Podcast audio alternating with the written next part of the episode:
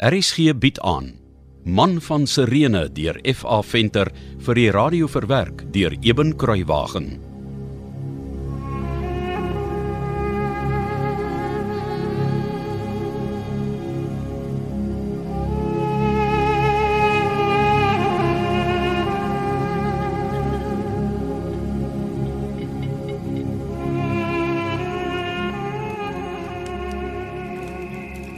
Jesus preek net liefde.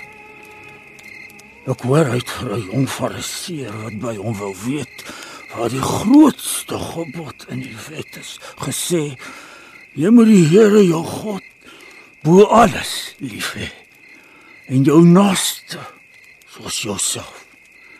Sy hele koninkryk berus daarop. Hy het glo gesê die hele wet en profete is in hierdie twee gebooie saamgevat. So belangrik is liefde vir hom. Dis so eenvoudig geleer. Ja. So eenvoudig soos die sonlig. En genoeg vir die hele wêreld ook. Ek moet hierdie Jesus van Nasaret eenvoudig ontmoet. Ek moet net.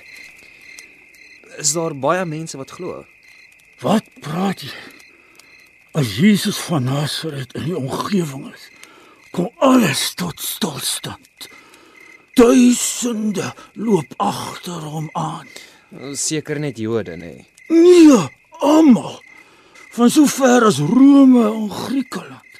Almal hang aan sy lippe. Maar Jerusalem haat hom. Ja. Jerusalem haat hom.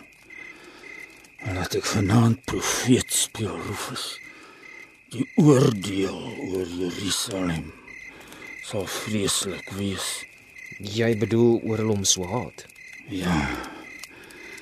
Jy moet weet, daar's Romeine wat glo. Wat? Nimrod, is jy ernstig? Dood. Dood ernstig. Ek kan dit amper nie glo nie.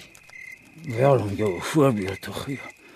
Die Romeinse hoofman oor 100 in Kapernaum het Jesus laat kom om sy knegte genees. En Jesus het na sy huis toe gegaan. Hy wou.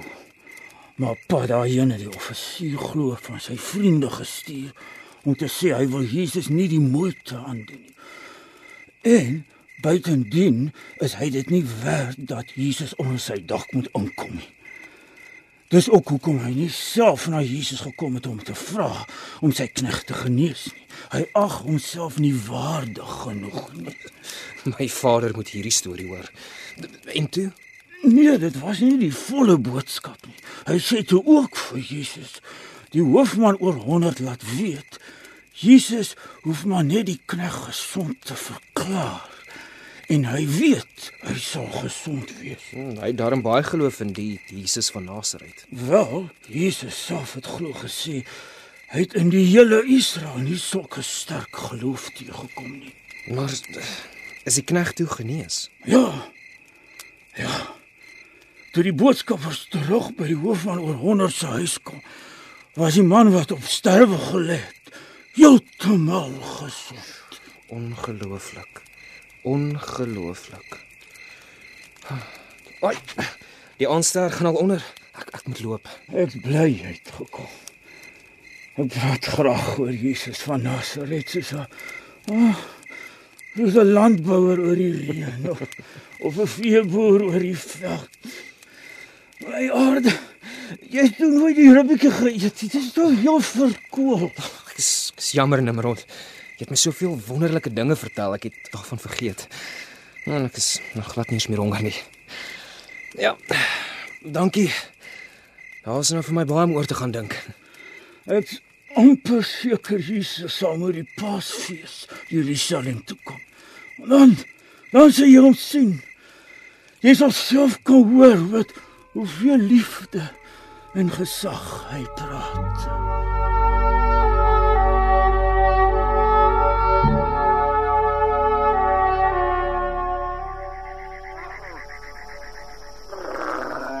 Ek wonder of Simon iets uitgerig kry in Jerusalem. Ja, ek wonder. Vir ons almal se onthaalwe hoop ek hy vermag iets. Hy kan danig knorrig raak as sake te skeef na sy sin begin loop. Ja. Ek hoop net hy kan by iemand 'n werkie kry waar hy in die grond kan vroetel. Waar hy kan saai en oes en te kere gaan soos 'n sirene. Ja. Kom ons bid maar die Here is hom en ons genadig, ja. Wat maak Rufus daar? Hy sal die hele oggend doenig met die perkamentrol. Lees met groot aandag en praat nie 'n woord nie. Nee, jong. Ek weet ook nie wat so interessant is aan die rol wat hy van Alexandria af saamgebring het nie. Dink jy hy mis dalk die studie en al die gesprekke met Philo? Ek dink so, Deborah. die seun se kop werk ook nie soos ons gewone sterflinge dan nie. Nee. Ek hoop maar net sy lewe is nou nie heeltemal omver gegooi met die koms na Jerusalem nie. Ja, hy sal nog koers kry. En as die stof eers behoorlik gaan lê het en hy's weer rustig. Wie weet? Ja. Dalk is daar iets hier in Jerusalem wat hom so interesseer dat hy Alexandrië glad nie eers meer sal mis nie. Ek hoop jy's reg, Esegiel. Maar kyk so. Bedrieg my oë my of is dit Simon Niger wat ek deur oor die platveld sien aankom? Ja, ek dink jy's reg. Maar kyk hoe vinnig loop hy. Wat sien ek oor sy skouer? Is dit 'n staf met 'n ding wat daaraan hang? Ja, dit lyk soos 'n groot kruik wat aan die staf hang. Aan sy stap lyk hy nie vies nie. Nee, Nee, ek dink hy lyk eintlik baie opgewonde. dalk het hy goeie nuus. Ek hoop so. Ag, daar's my niks meer onaangenaam as 'n onaangename atmosfeer in die huis nie. Ja, dit kan jy gerus weer sê, Deborah.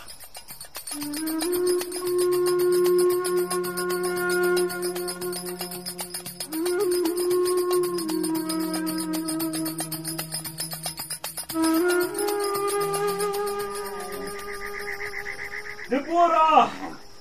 Deborah! Ezekiel, Rufus! Waar's julle? Hier is ek, Simon hierso.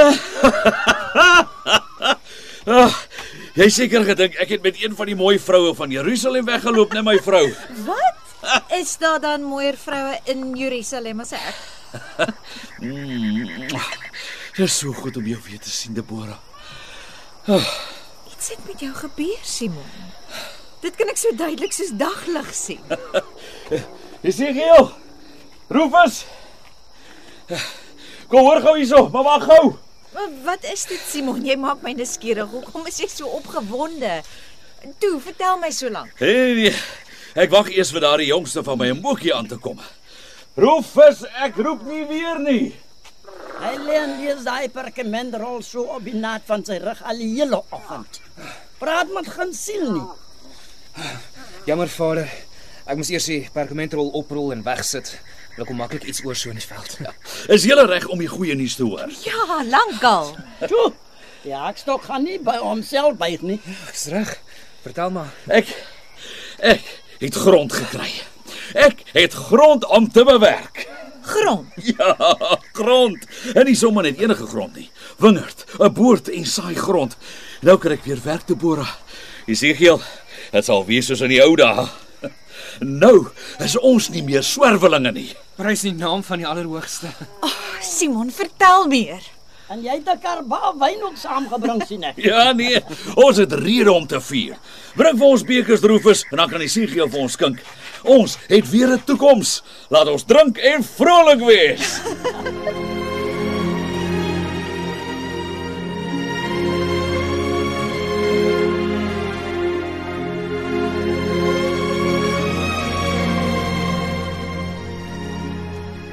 Nou wag ek niks meer nie. Vertel ons alles. Wel, om 'n lang storie kort te maak, ek moet die grond waarvan ek julle vertel het vir Josef van Arimatea bewerk. Dan het vader tog na die melaatse se raad geluister. Ja, Rufus, ek het. Ek is die stad in deur die Damaskuspoort en met 'n boel agterstraatjies afgestap tot by die straat van die pottebakkers. Eva hulle het my beduie hoe om by Josef van Arimatea uit te kom. En hoe soort man is hy toe, Simon? Hy's 'n baie goeie man, opreg ook. Hy was baie bly toe ek hom vertel van my wingerd en boorde wat ek gehad het, want hy's juis op soek na iemand om na sy wingerde, boorde in Saailand te kyk. Die die man wat hy gehad het, sê hy het sommer net verdwyn. Glo agter die Nasareëner aangedros of iets. Kan jy nou meer? Het hy gesê wat hy vir die Nasareener dink? Ek het hom nie gevra nie. O, Hoe dit ook al sê, Josef van Arimatea het by Getsemane 'n parskyp en 'n olyfpers. Hm, maar dis nie al nie, Hoekom kyk jy so na my? want my liefste vrou, daar selfs 'n huis. Wat? Huis? Ja, en ons kan daar gaan intrek. Dis ongelooflik. Ja, dit is net. Dis amper asof alles vir ons voorberei is. En En as julle my so aankyk, ja, glo julle my nie? nee, natuurlik glo ons wat Vader ons vertel. Wel die ander goeie nuus is, Josef van Arimatea sê as ek goed werk, dan kan ek later van die grond koop. Hy wil minder grond hê want hy raak te oud om alles te bewerk wat hy het. Maar dis wonderlik, Simon. Dis baie meer as wat ons gedink het ons sal kry as ons hierheen kom. O ja, sommer baie baie meer. En ek sal werk en ek sal koop. Ek wil weer 'n eie stukkie grond hê. Al is dit ook net 'n paar handbreedte so groot. Ons wil almal saam op die grond werk, né? Nee, ek en Sigiel en Rufus. Ja, wonderlik. Wanneer moet ons begin?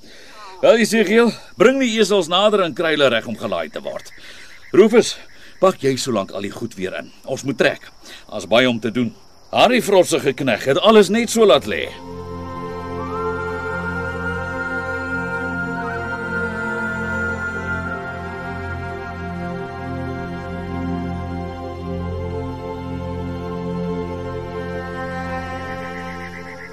Simon. Dankie vir wat jy vir ons gedoen het. Dis wonderlik. Nee, nee, ek is net baie dankbaar vir jou onthaalwe. Dis immers ek wat jou in die diep waters laat beland het. Ja, jy jy moenie skuldig voel nie, hoor?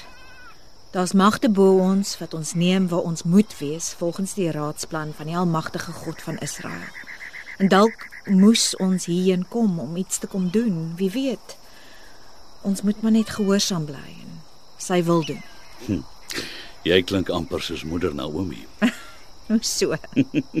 Sy het mos gesê ek's uitverkies vir iets. Dit het jy nooit vir my gesê nie. Ja wel, ek steur my nie te veel aan bog nie. Ek seker uitverkies om hierdie Nasareëner se voordisipel te word. Wat vroetel jy so onder jou kleed? Wel, ek het dit vir jou gebring. Ah, 'n flesie, wat's daarin? Wel, maak dit oop. Egiptiese parfuum. Ah, Ek dink jy het nie meer geld nie, Simoniege. Ek het dit geruil vir een van daardie Romeinse messe wat Alexander vir my gebring het. Jy's so goed vir my. Ek is so lief vir jou, my beeldskone Deborah. Simon. Sê my, hoe lyk Jerusalem? O, oh, dit het baie verander wanneer ek laas hier was. Daar's nuwe pleine, strate en geboue.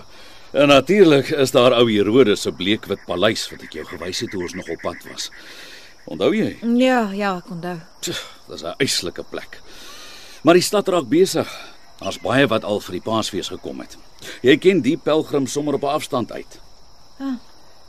En ehm um, die Nasareëner, uh, wat hoor jy van hom? Niks gehoor nie. Deborah, Ja, Simon. jy moet asseblief nie dat hierdie Nasareëner tussen ons kom nie. Man van Sirene deur F.A. Venter is vir die eerste keer in 1957 uitgegee en is in 2016 weer uitgegee deur Lux Verbi. Die produksie is tegnies hanteer deur Cassie Lauis en die verhaal word vir RSG verwerk deur Eben Kruiwagen onder spelleiding van Joni Combrink.